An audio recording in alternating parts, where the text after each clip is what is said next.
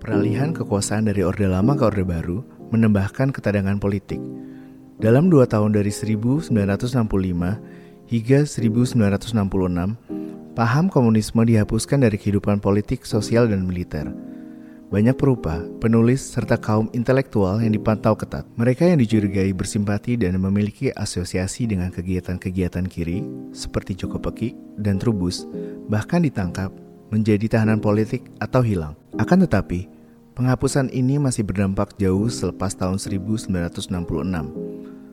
Pertanyaan-pertanyaan seputar identitas dan kebebasan berekspresi menjadi momok sepanjang Orde Baru. Karya-karya yang ditampilkan dalam bagian ini menjadi renungan atas pertanyaan-pertanyaan tersebut.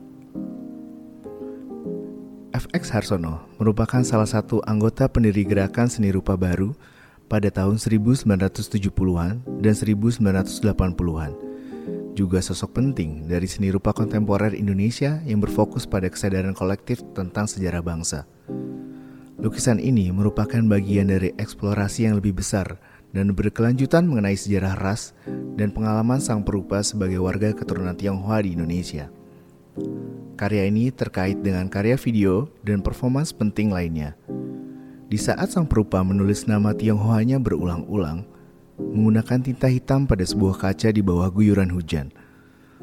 Proses menulis tersebut hadir untuk menyatakan identitasnya dan upaya untuk mengangkatnya kembali dari kehancuran sejarah. Hal ini merupakan sebuah tindakan yang personal, tetapi juga terkait dengan komunitas dan diaspora Tionghoa di Indonesia. Penelitian yang dilakukan FX Harsono yang menilik ke masa lalu untuk membeberkan aspek traumatik dan sejarah Indonesia dapat dihubungkan dengan penelitian dan karya yang dihasilkan oleh generasi perupa Tionghoa Indonesia berikutnya, seperti Aichu Christine dan karya Tiga Raja dari Irfan Hendrian. Irfan Hendrian menggunakan kertas sebagai medium utama untuk membentuk objek trimatra.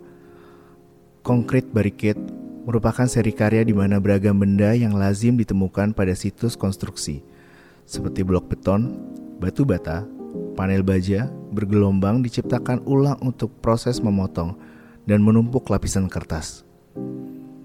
Ivan tertarik pada gagasan-gagasan mengenai pembangunan, contohnya bagaimana lingkungan dibentuk dan diciptakan kembali lewat intervensi manusia, dan bagaimana teknologi mendorong perubahan cara berpikir mengenai keterlibatan kita dunia fisik dalam transisi dan pengalaman analog ke digital.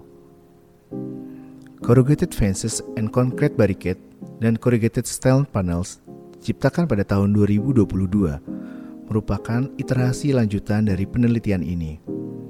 Karya ini menyertakan narasi personal keluarga sang perupa yang berkaitan dengan keturunan Tionghoa yang ia miliki.